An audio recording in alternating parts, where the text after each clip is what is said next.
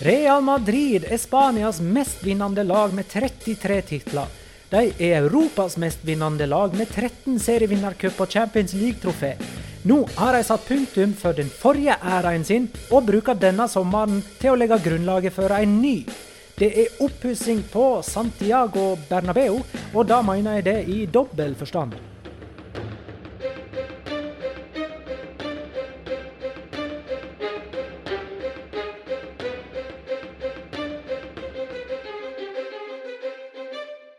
Da, vi holder fram med vår gjennomgang av La Liga 1920, lag for lag.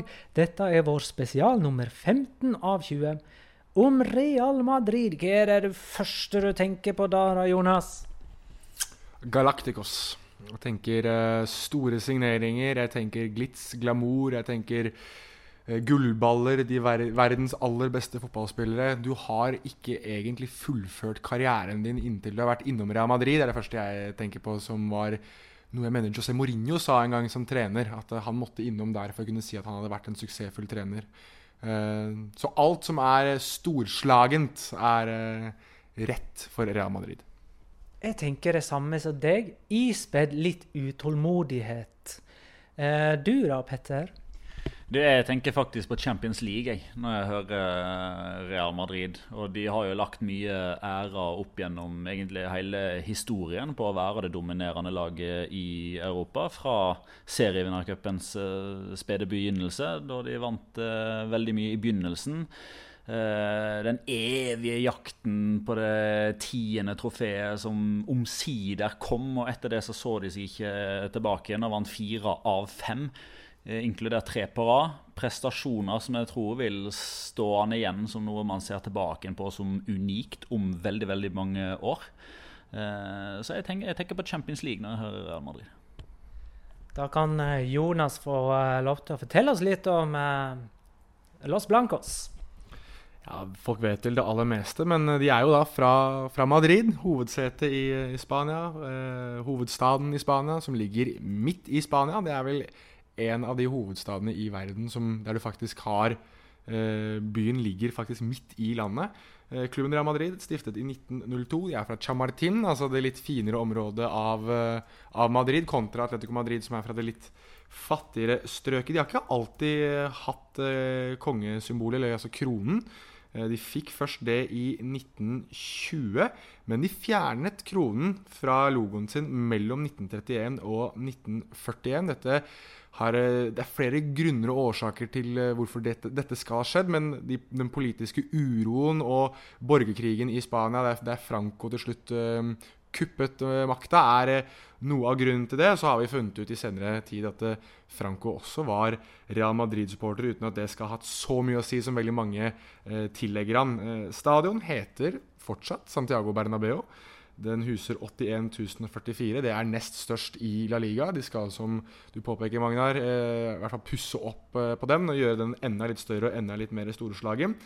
De er spanske seriemestere hele 33 ganger. Det er mest av alle noensinne. Senest så vant de ligaen i 2016-2017. De har vært i La Liga siden oppstart 1929.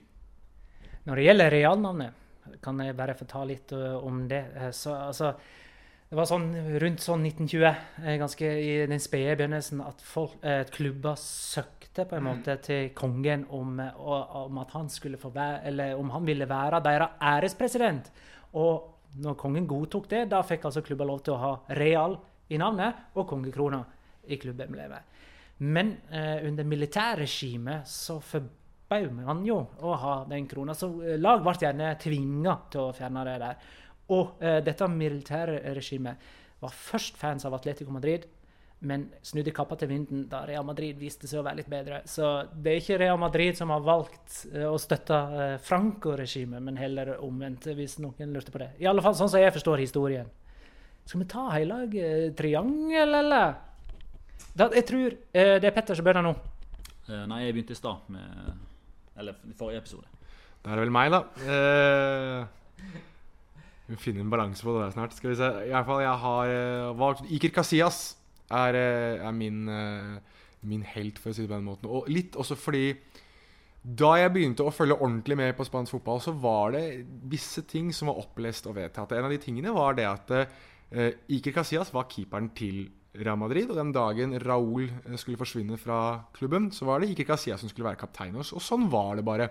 Flasket opp i klubben, og en av de siste som virkelig fikk en sjanse til å spille for eh, Real Madrid eh, etter å ha gått eh, gjennom kanteraen deres. Han satt på benken for første gang som 16-åring i Champions League mot Rosenborg. Han var førstekeeper allerede som 18-åring. 725 kamper fikk han for klubben.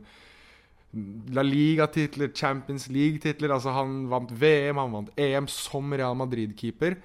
Men han forsvant litt i skal vi si, i skam, og det er ikke hans feil, egentlig. Eh, det var en, en krangel der med José Mourinho. Eh, han ble fryst ut, og dessverre så ble han litt dårligere med årene. Men den måten han forlot Real Madrid på Det er et veldig famøst bilde der han holder denne pressekonferansen der han sitter og gråter og gråter og gråter. Og så går han ut det som er bakveien. Og det var måten han forsvant ut Real Madrid på. I spansk eh, fotball, og egentlig også sånn generelt sett, så snakker man jo om at man skal kunne få lov til å gå ut inngangen. At man skulle kunne forlate la gran puerta. Ikke sant? Ikke sant? Og eh, det gjorde ikke Iker Casillas. Og hvis det er én personlighet i Real Madrids historie som jeg føler hadde fortjent det, så er det mannen som nylig la skoene, eller hanskene, på hylla etter heldigvis å ha overlevd og tilsynelatende på bedringens vei etter et hjerteinfarkt. Da tar jeg Louis Luis Figo, eh, som for meg var et bevis på den ubegrensa handlekraften til Real Madrid. Det markerte starten på Florentino Perez sin første Galactico-æra, da de henta Figo for 600 millioner kroner fra Barcelona. Trigga altså rett og slett utkjøpsklausulen fra Eh, den argeste rivalen. Det var rekordovergang i eh, verden. Nok et tilfelle der Barcelona mista en eh, stor profil pga. det med utkjøpsklausul. Jeg har vært inne på Ronaldo tidligere. Neymar, Luis Figo var òg en sånn en. Få måneder etter Figo sin overgang fra Barcelona til Real Madrid, så vant han Ballon d'Or. Men det var jo i stor grad fordi han hadde prestert med Barcelona det året, pluss EM for Portugal i 2000. Um, dette berømte grisehovet som ble kasta etter Luis Figo på Camp Nou, det kom i hans andre retur til Camp Nou, altså to år etter overgangen. Uh, I den første kampen uh, han spilte for Real Madrid på Camp Nou, da tok han rett og slett ikke cornerer. Det var helsefarlig. Men eh, da han kom tilbake to år senere, så insisterte han på å ta cornerer. Og det var mange cornerer han skulle ta, og det tok like forbanna lang tid hver gang pga. alle gjenstander som kom fra tribunen. Og jeg mener kampen var suspendert i 20 minutter på et tidspunkt der, og kaos. Eh, vær så god, Petter. Tusen takk. Uh, I Galacticos-perioden så var det jo uh, noen grunnpilarer i Real Madrid som var fra egne rekker. Han ene har blitt tatt, Iker Casillas. han andre burde kanskje ha blitt tatt, i form av Raúl. Han får vi snakke om en annen gang, for jeg har valgt han som var nummer tre, Goti. Han var min personlige favoritt. Um, henviser vi igjen da til dette venstre beinet, som er godt som gull. Han var herlig, frekk, eh, elegant. Eh, han var eh, unik på mange måter. Han var seg sjøl både, på og utafor banen. Der man da altså hadde dette Galactico-stempelet med Han spilte med David Beckham og Louis Figo, som kunne pryde i hver forside pga. at de så så ufattelig bra ut og hadde dametekke. Så gikk Goti sine egne veier. Han hadde langt, blondt hår og ring i øra. og ja, tok jo noen valg innimellom som folk flest kanskje ikke forsto, men han var 100% seg sjøl. Og han har slått den deiligste målgivende pasningen i verdenshistorien til Karim Benzema på Riazor. Den berømte hælklakken. Og han hadde jo òg en tilsvarende hælklakk til Zinedine Zidane når han skåra mot Sevilla, mener jeg å huske. Altså Goti. Ah. Mm. Uh, fortsatt egentlig så er jeg litt i tvil om hva som er tidenes dyreste Real Madrid-spiller. Det er vel egentlig delt førsteplass. Kommer litt an på hvem man tror på. Eh, altså Engelsk og spansk media krangler jo fortsatt på om Cristiano Ronaldo eller Gareth Bale var dyrest i sin tid. Så landa vi vel på at det var Gareth Bale. Noen mener at det var 100 blank, noen mente at det var litt mindre. Transfermarkt eksempelvis opererer med 101.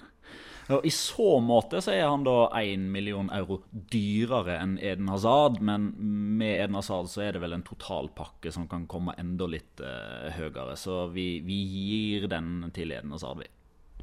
Uh, og så glemte jeg vel egentlig i stad å be deg fortelle oss hvordan vi kommer til Santiago Bernabeu. Eh, det gjorde du. Eh, det er nok veldig mange som har vært der allerede. Dette er pløyd mark. Dette er en eh, oppgått sti. Madrid kommer man seg til fra, fra alle flyplasser. Ikke tenk på det. Det ligger nord for sentrum. Det ligger ikke i bykjernen, som tidligere sagt. Det ligger i området som heter Chamartin.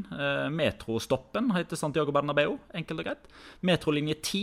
Du må ta den nordover fra sentrum. Har du lyst til å gå, så skal du få lov til det. Det tar deg en time fra Sol, som liksom er hjertet av Madrid.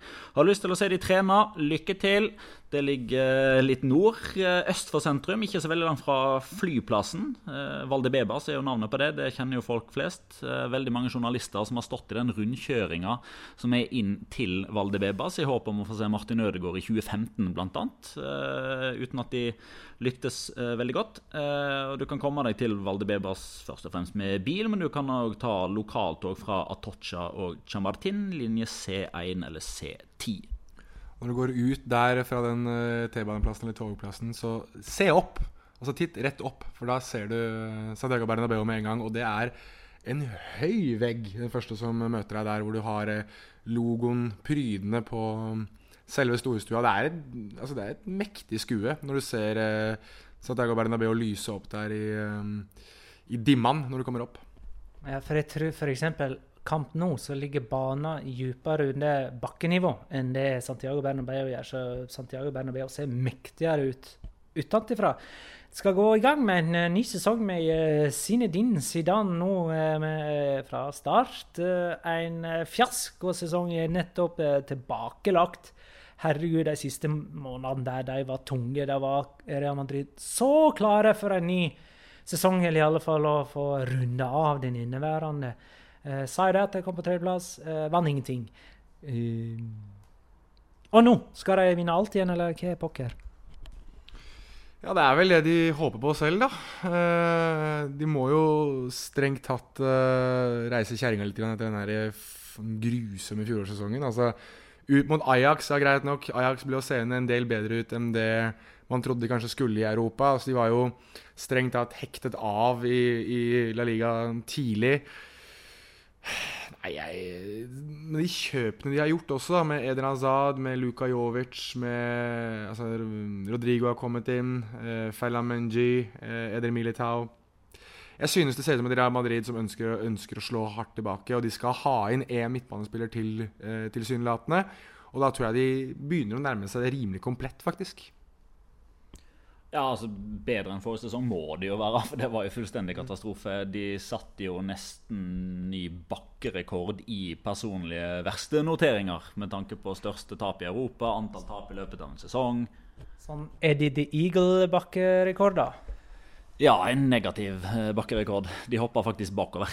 Eh, og nå må, nå må, de jo slå tilbake igjen. Og det at de havner bak eh, Atletico Madrid, som egentlig ikke hadde noen god sesong, ut ifra de forventningene som omgivelsene skapte rundt de, at de havna så langt bak Barcelona, røyket så tidlig i Copa del Rey, røyket enda tidligere i i, i, Champions League, så, så, er det Det er store forventninger, men det er òg noen spørsmålstegn her. fordi i stedet for å få en sånn eh, Kall det steg-for-steg-renovering, så kom, virker det som at nesten alt kom i løpet av én sommer. Eh, og når man ser på den elveren som man ser for seg skal være den, eh, den faste, i hvert fall på sikt, så er, det, så er, det, noen nye spillere her som skal finne tonen. Og det er ikke nødvendigvis sånn at de gjør det fra første ballespark. Men jeg tror vi allerede nå Uh, eller i hvert fall jeg allerede nå, nesten uavhengig av pris, selv om han er den dyreste spilleren i Real Madrids klubbhistorie. Altså, jeg har tenkt gjennom det. Så, bortsett fra sånne ting som man ikke styrer sjøl, typ skader, Eh, som jo kan komme når som helst. Altså, jeg, jeg klarer ikke å forestille meg at Eden Hazard ikke kommer til å bli så sinnssykt god i Real Madrid. Mm, det er godt at vi er eh, enige akkurat der. Jeg har satt meg ned mange ganger og prøvd å sette opp ulike elvere, hvordan Real Madrid kan spille, hvordan Zidane har spilt tidligere. Um, det er sjelden jeg tenker at en signering er eh, såpass perfekt for en klubb som Eden Hazard virker å være for eh, Real Madrid nå. Og jeg tror han kommer på akkurat riktig tidspunkt i sin karriere også. Han har fortsatt eh, en del igjen å bevise. Han er fortsatt sulten nok til å ville prestere på høyt nivå. og Uh, også Zidane har fulgt med på han siden han spilte for Lill. Så dette her er en type som Zidane kjenner veldig veldig godt også. Idolet hans. Så, eller altså idolet til, til Azad. Så det, nei, uh, dette kommer til å bli helt fantastisk. Nå er det nok Når denne episoden blir publisert, så er det noen dager siden han var spilt inn. Sånn er det. Uh, men eh, likevel så vil jeg spørre eh, Det er først og fremst to spørsmål jeg har. Det ene er Har Benzema mista plassen sin som eh, klippekortspiss nå? Eh, og er Gareth Bale Real Madrid-spiller den kommende sesongen? Eh, svaret på første om, om Benzema har mistet klippekortet sitt, eh, der har jeg nei. Jeg tror fortsatt han spiller eh, fra start. Tror fortsatt han som er førstevalget. Men jeg tror at utfordreren er mye nærmere nå enn f.eks. Mariano Diaz var i fjor. Jeg tror ikke at Benzema kan hvile på laurbærene av uh, den grunn. Uh, og hva angår Gareth Bale, vet du hva? Jeg har snudd, altså. Jeg tror rett og slett ikke noen kommer til å ville betale eller kommer til å ta den sjansen og den gamblinga på Gareth Bale som Real Madrid ønsker. Så eh, kan godt at jeg jinxer det i favør Real Madrid her nå sier at eh, jeg tror han blir. Men akkurat nå, 20.07, når det her spilles inn, det må jeg bare få sagt, så tror jeg Gareth Bale blir i Real Madrid. Altså Vinden har snudd litt. Den har jo det fra at uh, Zidane uh, nærmest sendte han ut av uh, klubben uten å ta hensyn til at han hadde kontrakt. I hvert fall måten han formulerte seg på innad. Eh, så har det jo gått til at han eh, visstnok trives så godt i Madrid og spiller golf og tjener masse penger og sånn, at han, eh, han vil ikke bort. Men samtidig så Altså, jeg kan se for meg et eh, alternativ helt mot slutten av overgangsvinduet dersom Zidane har så store baller som han i hvert fall har muntlig på pressekonferanser nå. Hvis han setter Gareth Bale ut av kamptroppen til første serierunde og til andre serierunde og inn mot tredje serierunde. Hvis Gareth Bale forstår at oi, her mener faktisk Zidane og Real Madrid alvor, jeg får ikke spille. Da kan det hende at pipen får en litt annen lyd, og at man da helt på tampen klarer å forhandle fram en, en form for leieavtale der Real Madrid betaler litt av lønna. Eh, men si, overhodet ikke så sikker som jeg var f.eks. I, i mai. Men hvor? Altså, vinduet i England kommer til å være stengt da, f.eks. Det er Tottenham Manchester United er de som har vært nevnt mest der. Uh, er det noen i Tyskland som har råd? Jeg tror ikke det, med mindre Real Madrid tar all lønna selv. Det samme går for, går for Italia. Altså, de, Real Madrid må rett og slett betale en masse penger her for å få ham ut. Uh, I en tidligere episode så har du sagt at Leganes veldig ofte utsetter ting. da kan han fortsette å bo i Madrid og spille golf. Sånn som jeg ser det, så er jo Luka Jovic det, den mest spennende nysigneringen. Men eh, fortsatt Karim Benzema som førstevalg på topp, altså? Ja, jeg tror det. Uh... Går det for øvrig an å ha to spisser? 4-4-2 f.eks.? Jovic-Benzema? Det går jo, uh, men da tror jeg at du begrenser Eden Hazard litt for mye. Jeg tror han må ha litt mer fri tilgang sentralt i banen. Og hvis både Jovic, som er en slags jobbespiss, Eh, kan minne litt om Luis Suárez, litt om Edinson Cavani. Sånn, at han er veldig glad i å trekke dypt og, og, spille en del defensivt. Hvis han skal ned og gjøre det, så vil han krasje en del i det rommet som, som Eden Hazard mest sannsynlig lyst til å okkupere.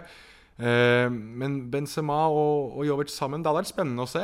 Eh, hvis de skal prøve seg på en litt annen formasjon. Kanskje lyst til å prøve Lucas Vasque som en ren ving for eksempel, på ene siden. Kanskje Ascenso som en ren ving på andre siden.